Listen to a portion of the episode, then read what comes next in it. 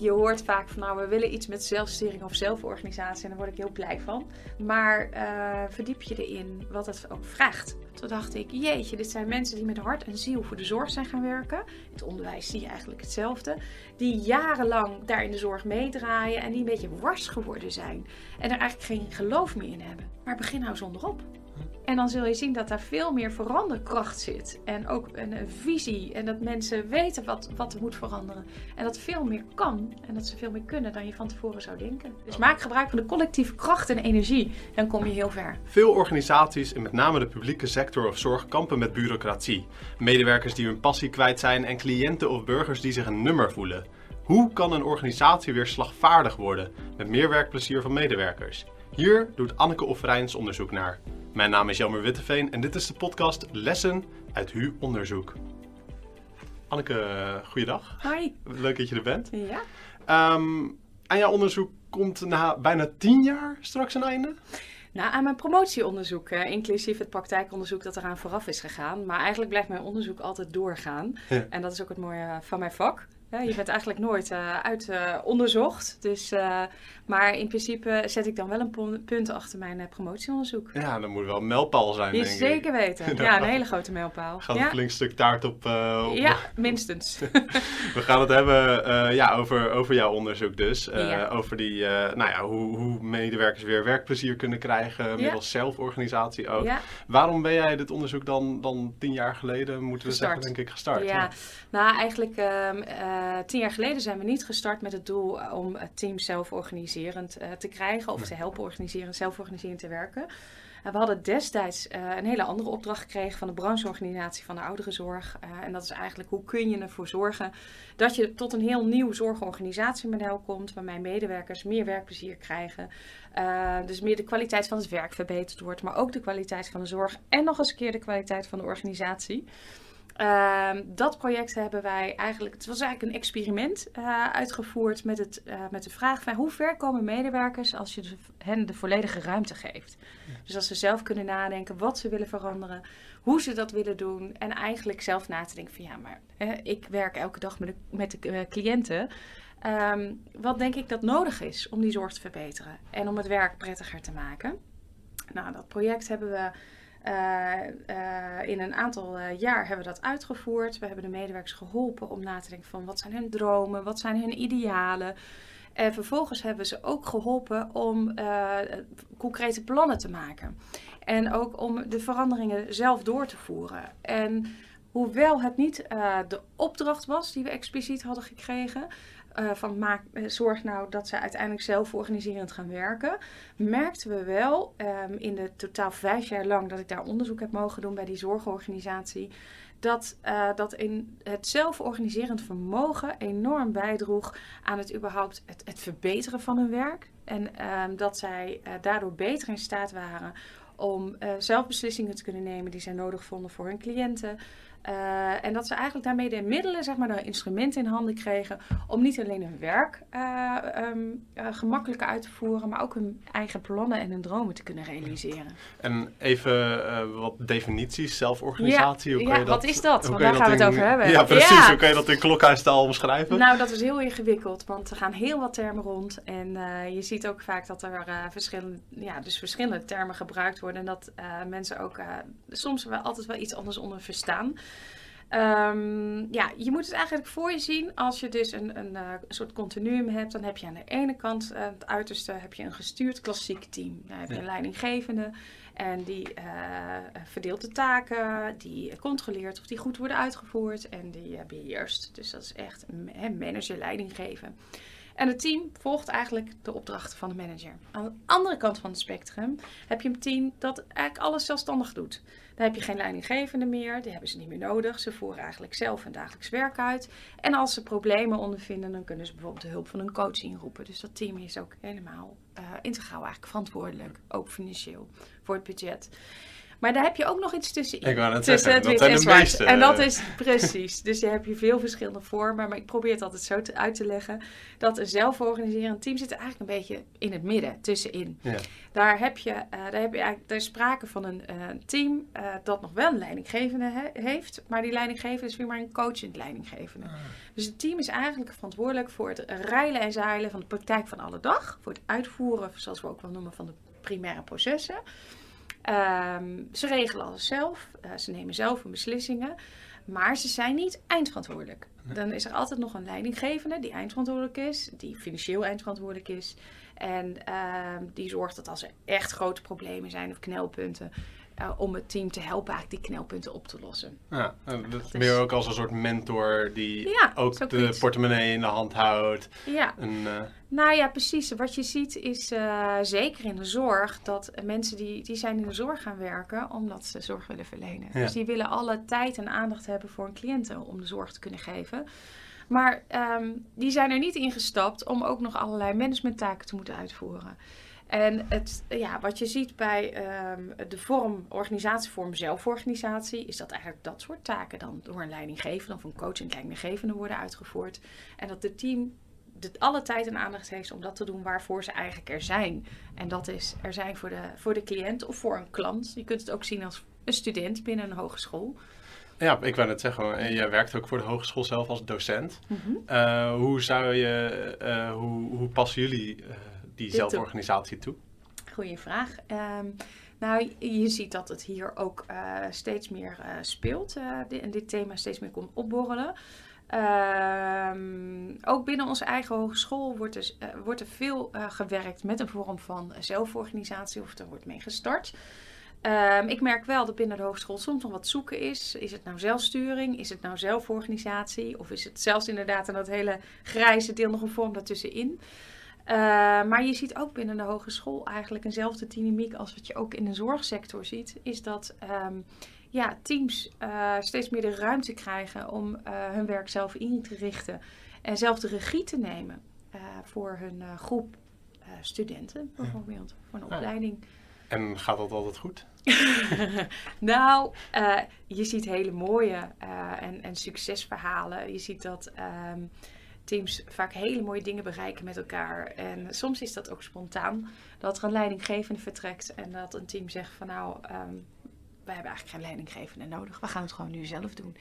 En dan zie je hele mooie dingen gebeuren. Dan zie je dat ze uh, energie hebben en uh, om, om, om zaken naar zich toe te trekken en eigenlijk gewoon ook heel ver komen. En Mm. ook die leidinggevende eigenlijk ook niet altijd nodig is. Omdat het Eh. ook bureaucratisch is af en toe en langzaam? de Uh, leidinggevende? nou, de leidinggevende is soms wel heel hard nodig hoor. Zeker hoe, ja, je noemt een goed woord, eh, bureaucratie. Uh, hoe complexer een organisatie georganiseerd is. En hoe toch wel hoe taaier en logger een organisatie kan zijn. Hoe harder soms een leidinggevende zelfs nodig is. Dat klinkt bijna wel als een paradox. Maar om uh, de, juist die ruimte te creëren voor teams dat zij uh, zelforganiserend kunnen werken. Um, dat uh, het ook een kwestie is van um, soms ook teams een beetje uit de wind houden. En um, eigenlijk wat je wil, is dat je die organisatie minder complex wil maken. Uh, zodat het eigenlijk niet nodig is dat het team het zelf in staat is eigenlijk hè, om, uh, om een werk te kunnen regelen. En samen te overleggen en besluiten te nemen en hun onderwijs te vernieuwen. Maar soms zie je dat, uh, ja, dat dat niet altijd lukt. En dan zie je dat het toch uh, een, een, omgeving is die uh, zorgt dat het, dat het moeilijk is om ehm, zelf ehm, zaken echt eh, te kunnen veranderen. Ehm, soms werken systemen niet mee.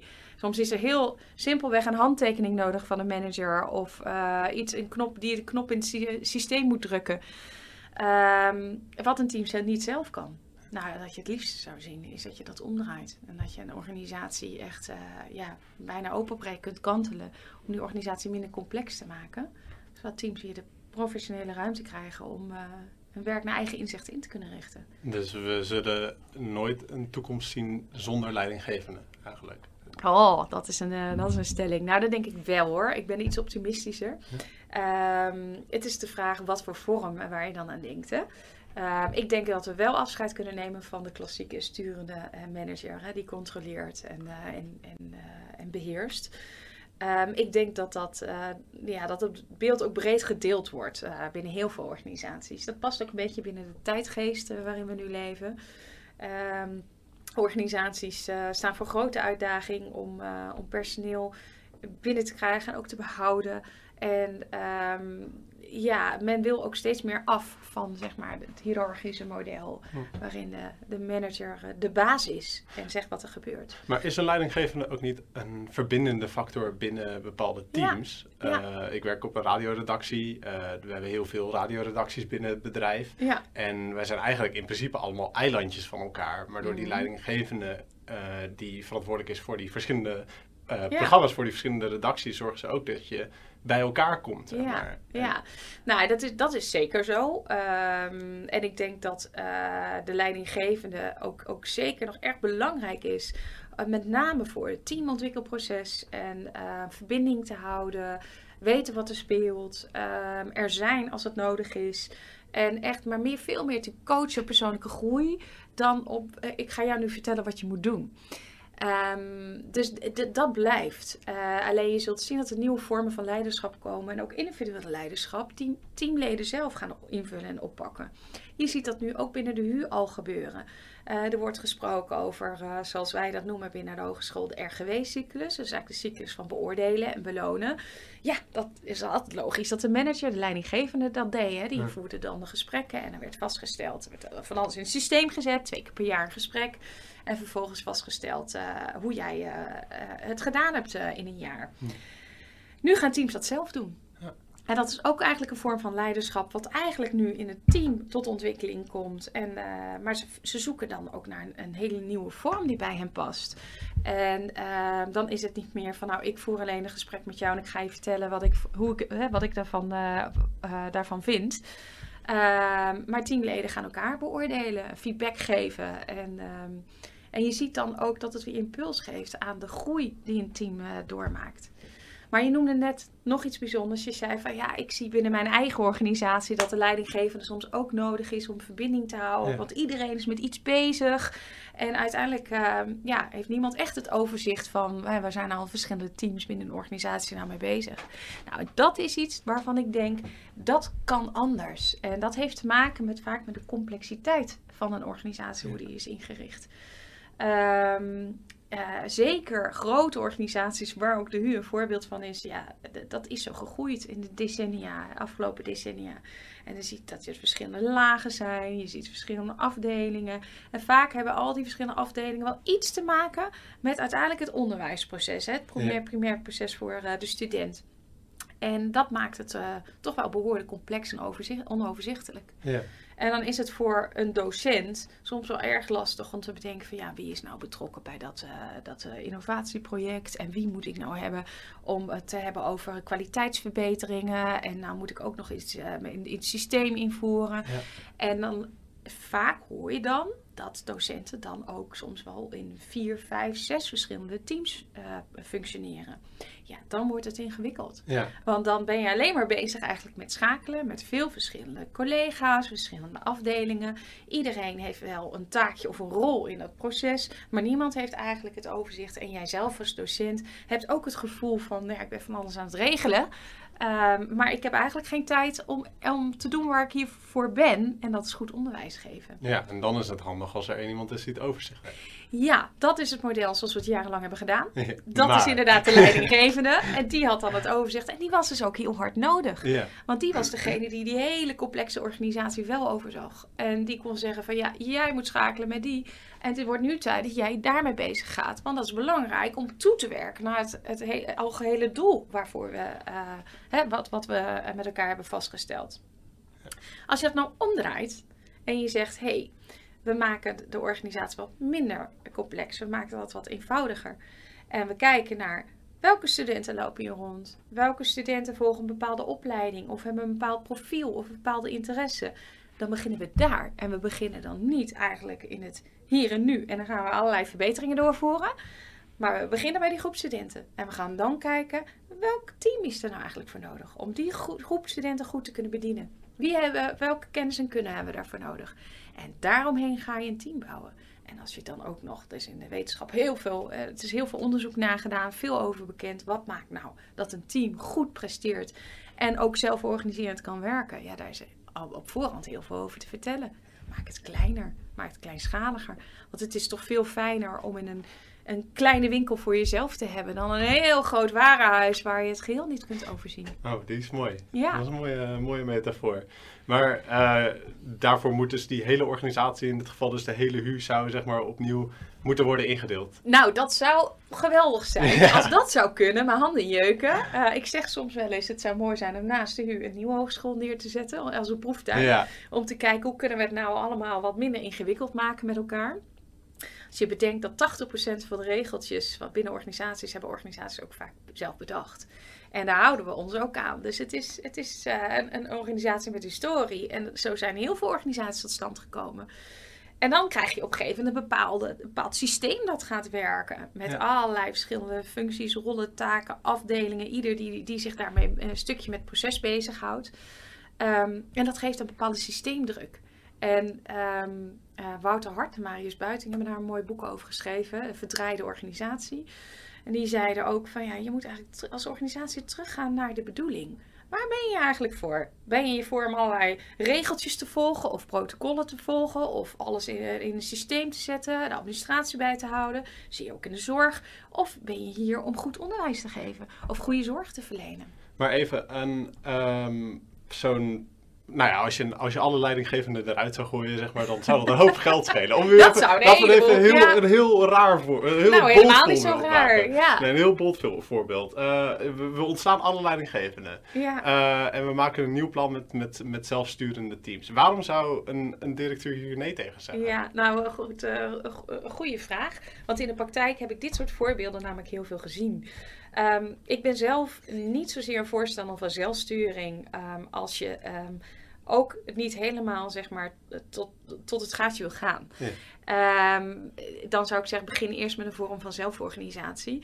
En ik vertelde net al, hè, juist in een, wat, een, een, grote organisatie die toch wat trekjes heeft van de bureaucratie, zijn leidinggevenden soms heel nuttig en heel belangrijk. En onmisbaar voor teams om ze uit, ja, uit, uit de wind te houden, hè, een soort hitteschild voor ze te vormen. Um, wat gebeurt er nou? En ik heb dat veel in de zorgsector ook gezien de afgelopen tien jaar.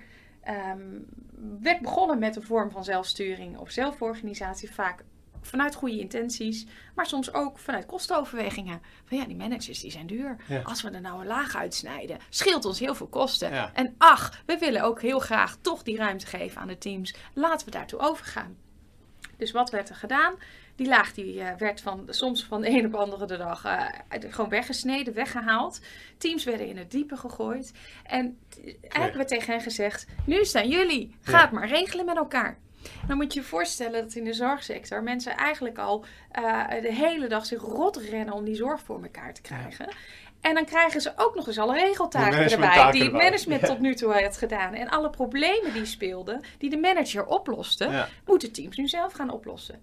Nou, en vaak is de bron van heel veel problemen die voorkomen, is de organisatie zelf. Omdat de organisatie ontzettend ingewikkeld georganiseerd is. Mensen het overzicht niet hebben en maar een klein taakje in het geheel hebben. Wat je eigenlijk wil, is dat je dus uh, goede teams neerzet rondom het primair proces dat veel eenvoudiger in elkaar steekt. Waardoor uh, medewerkers eigenlijk zelf het regelvermogen hebben en ook niet meer de energie hoeven te steken in het achterhalen van, van wie heb ik waarvoor nodig. En um, waardoor ze veel meer het overzicht grip krijgen op hun eigen werk. Dan heb je een leidinggevende veel minder hard nodig. Dus in plaats van snij die hele laag eruit uit kostenoverweging uh, uh, en uh, maak teams zelfsturend, zou je ook kunnen zeggen: kies voor een geleidelijke model waarin je echt kijkt naar hoe is nou mijn organisatie ingericht? Welk ontwerp heb ik, waar heb ik nou eigenlijk voor mee te maken? En hoe eigenlijk van onderop gaan redeneren in plaats van bovenaf. Uh, dus in plaats van binnen de bestaande organisatie proberen kleine verbeteringen door te voeren of Ehm, medewerkers proberen zelf, uh, zelforganiserend te krijgen, kun je ook zeggen. We gaan kijken uh, hoe we de organisatie van de onderop uh, eenvoudiger in kunnen richten. mensen zelforganiserend vermogen, regenvermogen geven. En dan te kijken wat hebben die nodig om hun werk goed te kunnen doen. Daar systemen op aanpassen. Daar de ondersteunende dienst op aanpassen. Daar de leiderschapsstijl op aan te passen. En dan ben je eigenlijk bezig met de organisatie in zijn geheel te kantelen.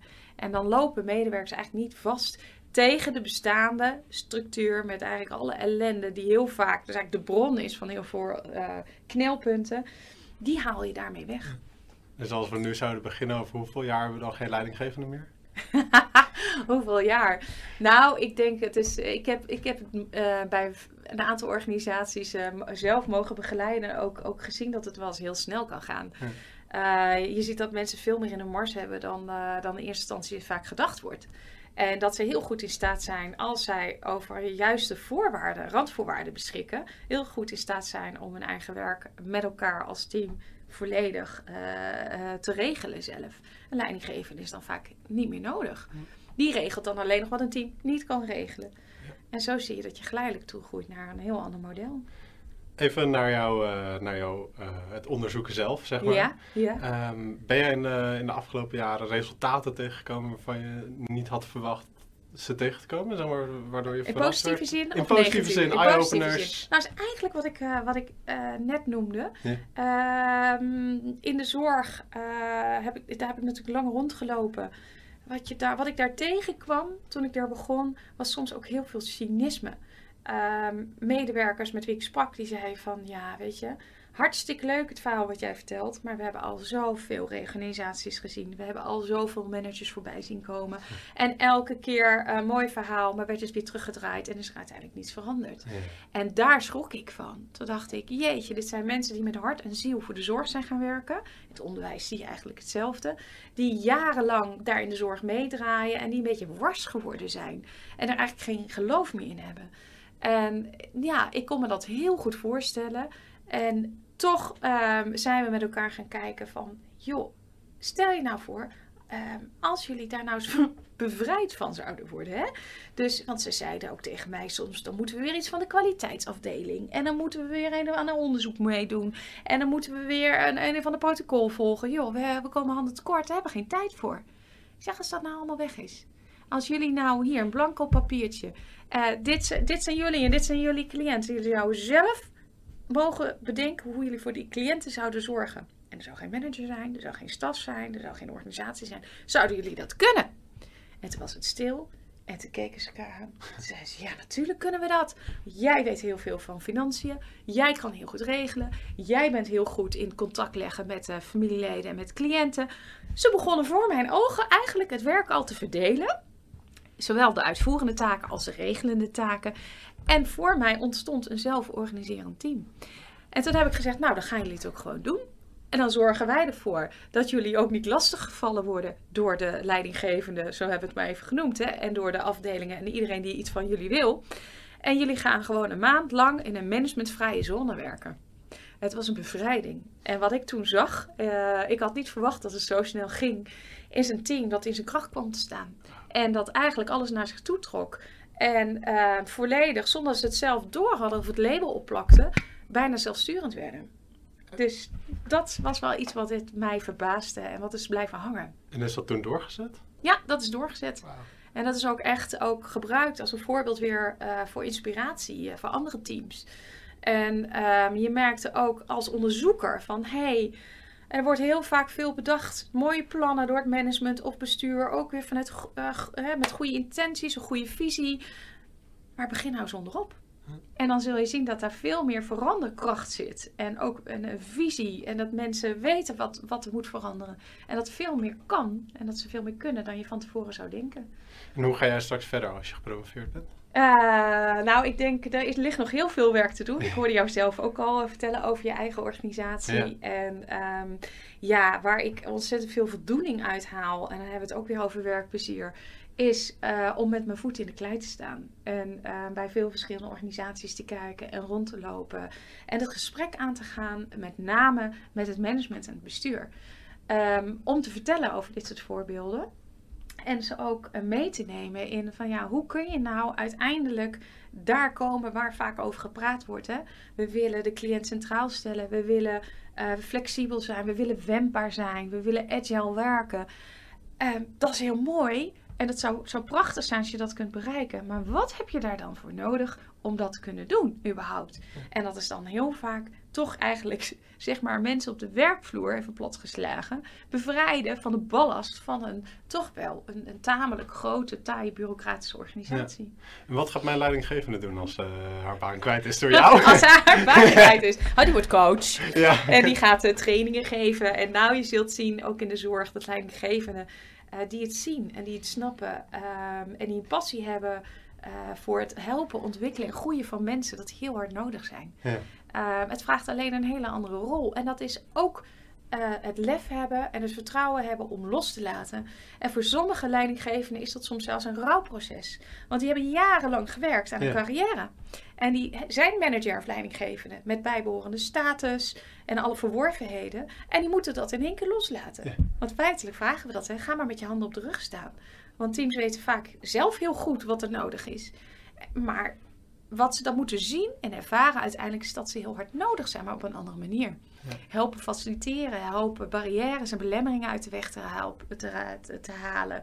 Uh, zorgen dat teams een volgende stap kunnen zetten. Uh, feedback helpen geven. Intervisie regelen. Dus er is heel veel te doen. Dus de manager wordt de, wordt de, wordt de bondscoach, zeg maar. De bondscoach. Ik vergelijk het ook wel eens inderdaad met een goed uh, elftal. Ja. En een goed elftal is goed op elkaar ingespeeld. En heeft een goede coach die het team helpt om, om, om die grote sprong te maken. Ja, maar niet een coach die zegt, jij moet nu drie stappen naar voren lopen. Want dat kunnen ze zelf bepalen. Dat, ja, en ik denk dat wat erg belangrijk is, is dat vergezicht schetsen.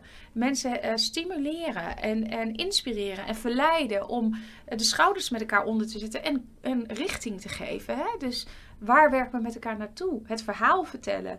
En wat erg belangrijk is, en dat is nu natuurlijk een aantal keer naar voren gekomen, juist als je te maken hebt met een grote organisatie die nog log is en, uh, en, en, en ingewikkeld georganiseerd, daar is veel te doen. Dus de kennis en de bewustwording dat bijvoorbeeld het organisatieontwerp, structuur, die, die eigenlijk organisatorische randvoorwaarden bieden, die kunnen een enorme belemmering zijn, maar ook een hefboom als je het openbreekt, om een grote uh, vooruitgang te kunnen boeken. Dat zou mooi zijn. Ja, dat zou heel mooi zijn. Ja. Uh, we gaan naar jouw uh, must read. Je hebt uh, een, een must read meegenomen. Ja, ik heb, nou, waar, waar ik zelf vaak terug op teruggrijp, het kan haast niet anders als je vaak het woord bureaucratie in de mond neemt, is het boek Het Nieuwe Organiseren, Alternatieven voor de Bureaucratie. Geschreven door Kuipers van Amersfoort en Kramer. Um, ja, dat is een boek waar op een hele toegankelijke manier geschreven wordt over hoe organisaties werken. En uh, wat er eigenlijk voor nodig is om ze ja, eenvoudiger en platter te organiseren. En um, dat gaat erg in op de organisatieinrichting, organisatiestructuur, maar ook hoe je het veranderkundig uh, kunt aanpakken. Verder is een aanrader uh, Reinventing Organizations van Frederic Laloux. Ook die beschrijft op een hele verfrissende manier hoe je anders naar organisaties kunt kijken om mensen meer werkplezier te geven, waardig werk te kunnen organiseren en de klant echt uh, centraal te stellen, vanuit de klant te denken. Uh, dus dat zijn zo wat, uh, wat voorbeelden. En ik noemde natuurlijk het boek De Verdraaide Organisatie van Wouter Hart. Die stipt eigenlijk het probleem heel goed aan. En de andere boeken geven vooral ook een doorkijk van nou, hoe zou je dat vorm kunnen geven. En die, met je eigen organisatie. En die dingen combineer jij dan in jouw, uh, heb jij gecombineerd in je eigen onderzoek? Onder andere, onder andere. Ja, voor mijn onderzoek moest ik natuurlijk ook veel lezen. Maar er is veel geschreven. Ik maak zelf veel gebruik van de moderne sociotechniek. Dat is een bedrijfskundige benadering uh, waarmee je eigenlijk op een bedrijfskundige manier naar uh, organisaties en organisatieontwerp en verandering kijkt. En um, ja, dat is in, in de jaren 30, 40, 50 van, van de vorige eeuw ontstaan. En eigenlijk nog steeds heel actueel en heel bruikbaar. En, en, zijn het dan ook heilige boeken voor jou? Of ben je, uh, heb je ook kritiek op ze? Oh, dat is ook een hele goeie. Nou, ik denk dat je altijd uh, open-minded moet blijven kijken. En uh, um, organisatie, ontwerp en inrichting is één thema. Maar organisatieverandering is een ander thema. En vervolgens zijn er zoveel verschillende kennisgebieden die je eigenlijk zou moeten bundelen Ook wat maakt een mens gelukkig? Wat, hoe zorg je ervoor dat mensen tot volle bloei kunnen komen? Hoe teams goed presteren? Wat vraagt het van de rol van de leidinggevende? Dus wat dat betreft loopt er gelukkig, lopen er hier veel mensen rond, ook binnen de HU, met kennis op verschillende plakken en plekken, uh, vlakken. en het, is, het zou mooi zijn om uh, die kennis te kunnen bundelen. En, en dat doen we dus eigenlijk ook binnen ons lectoraat. Ik werk binnen het uh, lectoraat organiseren van waardig werk. Ik werk ook samen met collega's van het lectoraat werken en onderwijs. En dat is zo mooi dat je ziet um, dat er veel expertise hier is. En ja, dat zou je toch optimaal kunnen benutten voor, voor de praktijk en voor het onderwijs. En dat, dat proberen we te doen. Ja. Ehm, heb jij het zelf wel eens met je leidinggevende gehad over je onderzoek? Ja, zeker. Uh, regelmatig zelfs. En uh, ja, dat is dan ook wel in, interessant dat je dus aan de ene kant bezig bent met een, uh, het schrijven van een proefschrift. En dat je door een wetenschappelijke bril naar dit vraagstuk kijkt. En tegelijkertijd zie je doorlopend in de praktijk van alle, allerlei voorbeelden dat je denkt, oh ja, nou ga ik het herkennen, nou zie ik het. Ja. Dus met mijn leidinggevende ook vaak over gesport. En want welke Welk team, afdeling of organisatie is niet bezig met veranderen en vernieuwen? En deze tijd vraagt er ook om. Kijk naar corona. Hè? Hoe richten we ons werk nou in als we allemaal thuis moeten werken? Uh, dus je bent eigenlijk uh, doorlopend bezig met dit soort vraagstukken. Dus we sparren ook samen. En dat is, uh, dat is leuk om te doen. Je noemt corona. Zijn we, zijn we door de pandemie zelfsturender geworden? Of juist Ik minder? denk het wel. Ik denk dat we... Ja, we hebben zo snel moeten omschakelen hè, naar thuiswerken en, en digitaal werken. En ik ik, ik, ik vind het verbazingwekkend hoe snel dat ook binnen de HU gelukt is. En uh, hoe inventief uh, mijn collega's zijn geweest om, om toch de student te kunnen blijven bereiken en, en onderwijs door te kunnen laten gaan. Dat is een, een vorm van zelfsturing, een optima forma. Ja. Dus ik denk zeker dat dat bijdraagt. We gaan naar een aantal tips. heb jij allereerst tips voor managers? Voor managers ja, ik wil bijna zeggen, bezint voor gij begint. Um, je, je hoort vaak van nou, we willen iets met zelfsturing of zelforganisatie en daar word ik heel blij van. Maar verdiep je erin wat het ook vraagt van inspanning van de mensen, van de teams zelf, medewerkers, van leidinggevenden. En ook wat het vraagt van de organisatorische condities die teams überhaupt nodig hebben om zelforganiserend te kunnen worden. Um, want wat, ja, wat plat gezegd, wat rommelen in de marge, dat brengt vaak niet verbetering die teams eigenlijk beogen. Um, als je uh, zegt, nou we hadden het er net al over, hè, de leidinggevende vertrekt en de teams krijgen de managementtaken erbij. Ja, dan kun je bijna gaan, gaan wachten totdat het fout gaat. Dus het vraagt om meer. Het vraagt om echte condities dat teams ook in staat zijn om hun werk zelf te regelen en zelf die verantwoordelijkheid te dragen. Dus zorg dat ze het regelvermogen hebben. Zorg dat zij bestaan uit, uit de kennis en kunnen in het team. De mensen die de klus ook met elkaar kunnen klaren. Uh, zorg dat ze niet lastiggevallen worden vanuit de organisatie met allerlei ingewikkelde vragen of die systeemdruk waar ik het over had. Dus ik zou dat um, echt als uitdaging mee willen geven aan managers en bestuurders.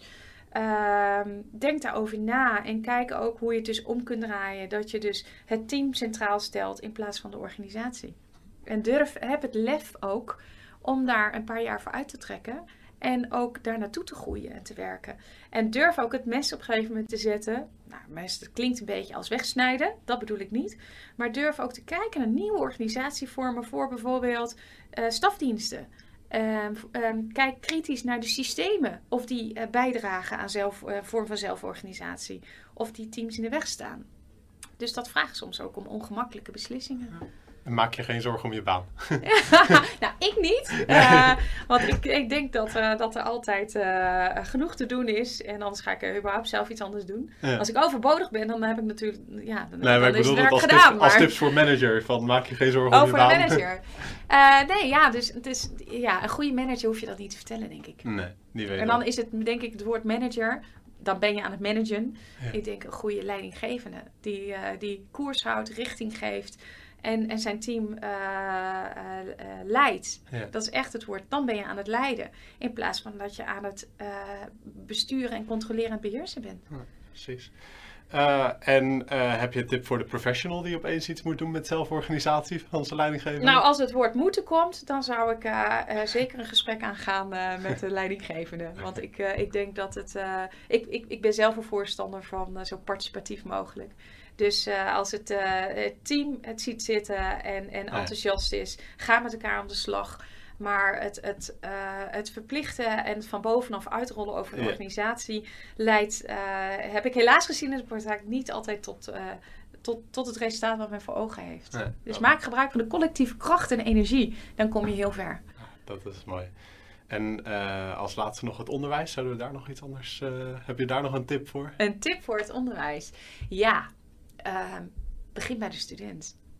Ik zie dat er uh, heel veel mooie initiatieven uh, opborrelen en, en uh, geïnitieerd worden om te werken naar meer zeggenschap voor docenten, verantwoordelijkheden laag. We willen wendbaar zijn. Maar soms krijg ik, bekruipt mij een beetje het gevoel dat de student daarbij vergeten wordt. Terwijl ik denk onderwijs, innovatie, vooruitkijken naar wat voor, wat is, wie is de student van de toekomst, waar zit het werkveld op te wachten. Begin daar. En ga dan pas kijken wat voor team hoort daarbij. Wie moeten die, uh, die student klaarstomen uh, voor de praktijk? Hanneke Overijns, ik wil je hartelijk bedanken voor dit uh, super leerzame gesprek. De 40 minuten zijn echt voorbij gevlogen. Gaat snel. ja, en dit was hem dan ook. Ben je benieuwd naar meer podcasts van de Hogeschool Utrecht over ons onderzoek en onderwijs? Dan kun je de podcast opzoeken op onze website. Kijk vooral even op hu.nl. En deel deze podcasten vooral met mensen uit je netwerk. Bedankt en tot de volgende aflevering van Lessen uit HU Onderzoek.